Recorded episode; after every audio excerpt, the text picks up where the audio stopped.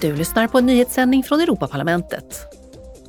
Igår träffade ledamöter från parlamentets jordbruksutskott jordbrukskommissionären för att diskutera hur den stigande inflationen påverkar den gemensamma jordbruksbudgeten. Oron för de ökade priserna på mat och djurfoder togs också upp. I en annan debatt diskuterade parlamentarikerna Ukrainas jordbruksproduktion och export. Den här veckan publicerar parlamentet det fullständiga resultatet av sin Eurobarometerundersökning för 2022. Undersökningen utfördes från mitten av oktober till början av november och fokuserar på vad som just nu oroar EU-borna och i vilken grad de stödjer EU. Imorgon håller Europaparlamentet en ceremoni till minne av sin senaste talman, David Sassoli, ett år efter hans bortgång.